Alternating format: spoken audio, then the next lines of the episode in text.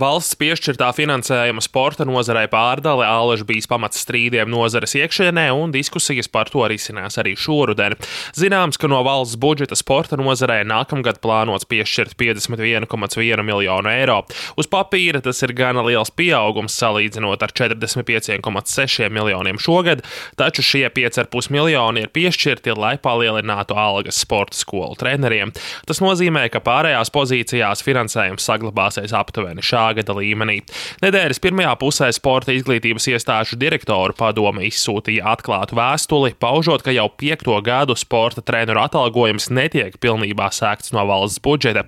Proti, vidēji no budžeta tiek nosekti 87% algas, bet pārējo finansē pašvaldības un bērnu vecāki ar saviem līdzmaksājumiem. Stāsta sporta izglītības iestāžu direktoru padomas vadītāja Diana Zaļupe. Ir tas minimālais standartiņš, tā minimālā likme, un viņas vēl no valsts netiek nosaktas pilnībā. Mēs jau ilgu gadu ar, ar, ar ministriju šo debatējam, ka tā būtu vienkārši tāda normāla paritāte, ka valsts nosaka šo minimālo. Un tālāk pārējais jau ir uz pašvaldību un uz privāto klubu. Sporta zāles, sporta bāzes, uh, sporta inventārs, formas, braucieni, visi transporti, nometnes sporta. Nu, pilnīgi viss pārējais ir uz, uz to otru pusi. Nu, tad no valsts būtu šis minimālais, ka nosaka to minimālo algu. Pārsteigumu par šādu situāciju intervijā Rīta panorāmai trešdien pauda premjerministre Evika Siliņa no jaunās vienotības, norādot, ka viņa bijusi pārliecināta, ka treneri iekļauti kopējā pedagoģu finansējumā. Lai treneru algas no budžeta sāktu pilnībā, visticamāk būtu jāmeklē jāmeklē papildus finansējuma avots. Izglītības un zinātnes ministrijas sporta departamenta vadītājs Vladimirs Steinbergs gan norāda, ka līdz 15. novembrim sporta skolām jāiesniedz savi finansējuma pieteikumi nākamajam gadam, un tad situācija kļūšot skaidrāka. Nākamā gada finansējums tiks piešķirts pēc tam, kad tiks saņemti visi finansējuma pieprasījumi no sporta skolām. Tās termiņš ir 15. novembris. Tikai pēc 15. novembra mēs sapratīsim, tad, cik tad īsti mums ir jāfinansē, un vai pietiek mums naudas vai nepietiek naudas. Nepietiekams finansējums nākamā gada sporta budžetā atvēlēts Latvijas Paralimpiskajai komitejai. Tā ir vajadzētu aptuveni 2 miljonus eiro, bet piešķirti 700 tūkstoši, stāsta Paralimpiskās komitejas ģenerālsekretāre Liene Apine. Tiešām nav saprotams, jo šis nav diskutēts diskutēts ar mūsu īpaši. Mēs esam šobrīd apkopojuši jau saņemtās pieprasījumus par nākamo gadu. To mēs gribētu izdalīt atsevišķi Latvijas Paralimpiskajai vienībai budžetu, kas mums ir nepieciešams 400 tūkstoši, un visiem pārējiem pieprasījumiem šobrīd ir aptuveni pusotras miljonus. Un jūs to visu gribat, lai mēs izdarām 700 tūkstoši. Kopējais budžets Latvijas Paralimpiskajai komitejai, lai veiktu gan federāciju padomus funkcijas, gan paralimpiskās vienības uzturēšanas funkcijas ir aptuveni 2 miljoni. Paredzēts, ka ar nākamo gadu mainīsies sporta finansējuma pārvaldības modelis un naudu dalīs izglītības un zinātnes ministrija, izveidojot aģentūru, kas tālāk piešķirs finansējumu Sporta federācijā, Latvijas Olimpiskajai komitejai un Latvijas Sporta federāciju padomai. Ministrija sola, ka tas ļaus ietaupīt ap 300 tūkstošiem eiro administratīvajos izdevumos, taču viedokļi par šādu modeli dalās. Sporta departamenta vadītājs Steinbergs skaidro, ka šī aģentūra nav jauna struktūra, bet gan tiks aizpildītas aktuālās vakances departamentā. Šobrīd mēs plānojam, ka mēs papildu štata vienības neveidosim. Mēs uh, aizpildīsim pilnā apmērā esošas štata vienības, jo nav nekāds noslēpums, kad mums bija laikam, divas vakances. Tad mēs aizpildām visas tās divas vakances. Un, uh, Kā jau teicu, šobrīd jau tas finansējuma sadalījums notiek faktiski Izglītības zinātnes ministrijas sporta departamentā. Vienkārši tad uh, visas programmas tiek apvienotas. Savu neapmierinātību ar šādu risinājumu paudusi Latvijas Olimpiskā komiteja organizācijas vadītājam Jānim Bukam, norādot, ka LOK varētu ietaupīt vēl vairāk naudas. Olimpiskā komiteja, kā nevalstiskā organizācija, kā ministrijas partneris, varētu šo funkciju veikt efektīvāk, jo mums ir visa infrastruktūra, mums nav jāveido nekāda jauna infrastruktūra.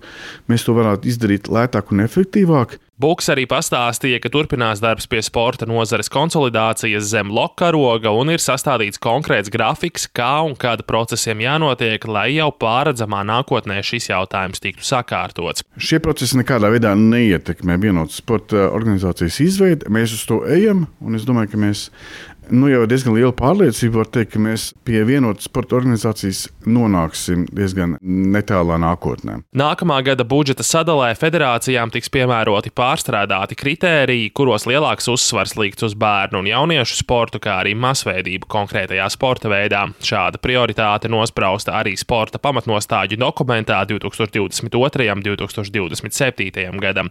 Sporta departamenta vadītājs Steinbergs pastāstīja, kā tad mainās kritēriji federācijā diskusijām. Kopējais punktu skaits salīdzinoši ar uh, šo gadu nemainās. Tie paši 140 punkti paliek kopējais. Tāda ieskaita, jā, bet mēs būtiski palielinājām bērnu jauniešu skaita punktus no 10, nemaldos, uz 30 punktiem.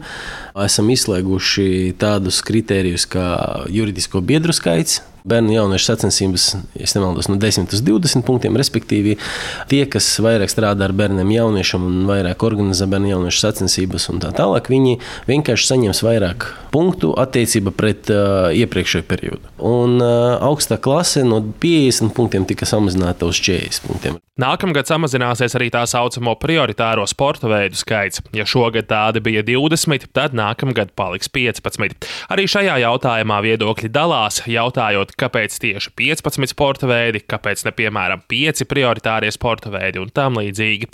Viens no skaļākajiem oponentiem jaunajiem kritērijiem ir Bobsleja un Skeletona federācijas ģenerālsekretārs Zīnis Ekmanis. Piemērotie kritēriji, kas tiks piemēroti dalīt valsts naudu, ja, priekš mums ir katastrofāli. Jo šajos kriterijos ir iekšā liela īpatsvara masveidība, bērnu jauniešu sports, sportistu skaits, kas mums pēc definīcijas ņemot vērā mūsu sporta veidu bīstamību un pieejamību. Nu, nav, nav, nav iespējami šie faktori. Un, un, sportiskā izcilības rezultāti īpatsvars šai kritēriju sistēmā ir neadekvāti zems. Un tā tad var iznākt, ka mēs kad tiks noteikti 15 prioritārie sporta veidi ar pagājušās sezonas labāko rezultātu, sportisko, individuāliem sporta, eh, olimpiskajiem veidiem. Ja. Otro vietu pasaules čempionātā mēs nebūsim starp prioritārajiem eh, sporta veidiem. Es uzskatu, ka tas nav normāli. Latvija pārvēršas par viduvēju klondaiku. Federāciju finansējums no valsts budžeta veidojas no dažādiem blokiem, proti tiek piešķirts finansējums pamatdarbības nodrošināšanai, kas nākamgad no 1,9 miljoniem palielināsies līdz 3 miljoniem. Olimpisko sporta veidu federācijām un sportistiem pieejams arī Olimpiskās vienības finansējums, un federācijām, protams, ir arī savi privātie sponsori.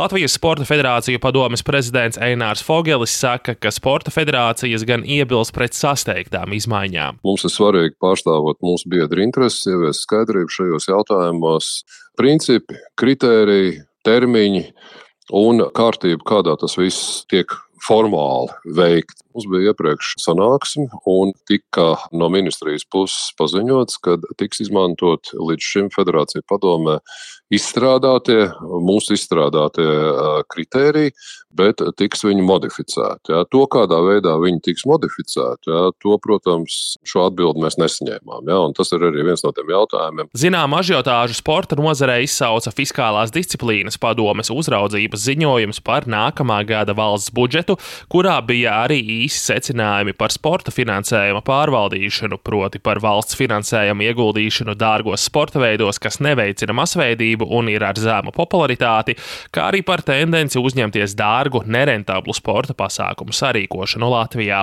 Fiskālās disciplīnas padomas loceklis Andrejs Jākapsons skaidro, ka visnotaļ satraucoši ir tendence veikt lielus pieprasījumus no līdzekļiem neparedzētiem gadījumiem dažādu sporta pasākumu rīkošanai. Viena lieta, kas iepriekšējos gados mums mazliet ir um, mazliet satraukusi šajā jomā, ir tas, ka nu, daļa līdzekļu finansēšanā tiek uh, virzīti caur īpašiem budžeta pieprasījumiem, neparedzētiem gadījumiem. Šie pasākumi iespējams ir ļoti svarīgi, tomēr nu, no mūsu viedokļa, ja mēs uh, plānojam budžetu, tad tā ir nu, neliela novirze no tā plānošanas procesa. Jā, tas ir ārkārtas gadījumos šāda pieeja varētu tikt īstenota, bet nu, tā nevarētu būt norma. Sporta departamenta pārstāvji gan skaidro, ka sadarbībā ar ekonomikas ministriju tiek izstrādāta jauna metodoloģija lielu pasākumu finansēšanai, lai šādu praksi pamazām izskaustu. Izglītības un zinātnes ministrija, kā arī sporta departaments saglabā nostāju,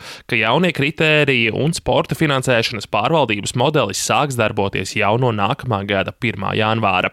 Māris Bergs, Latvijas radio.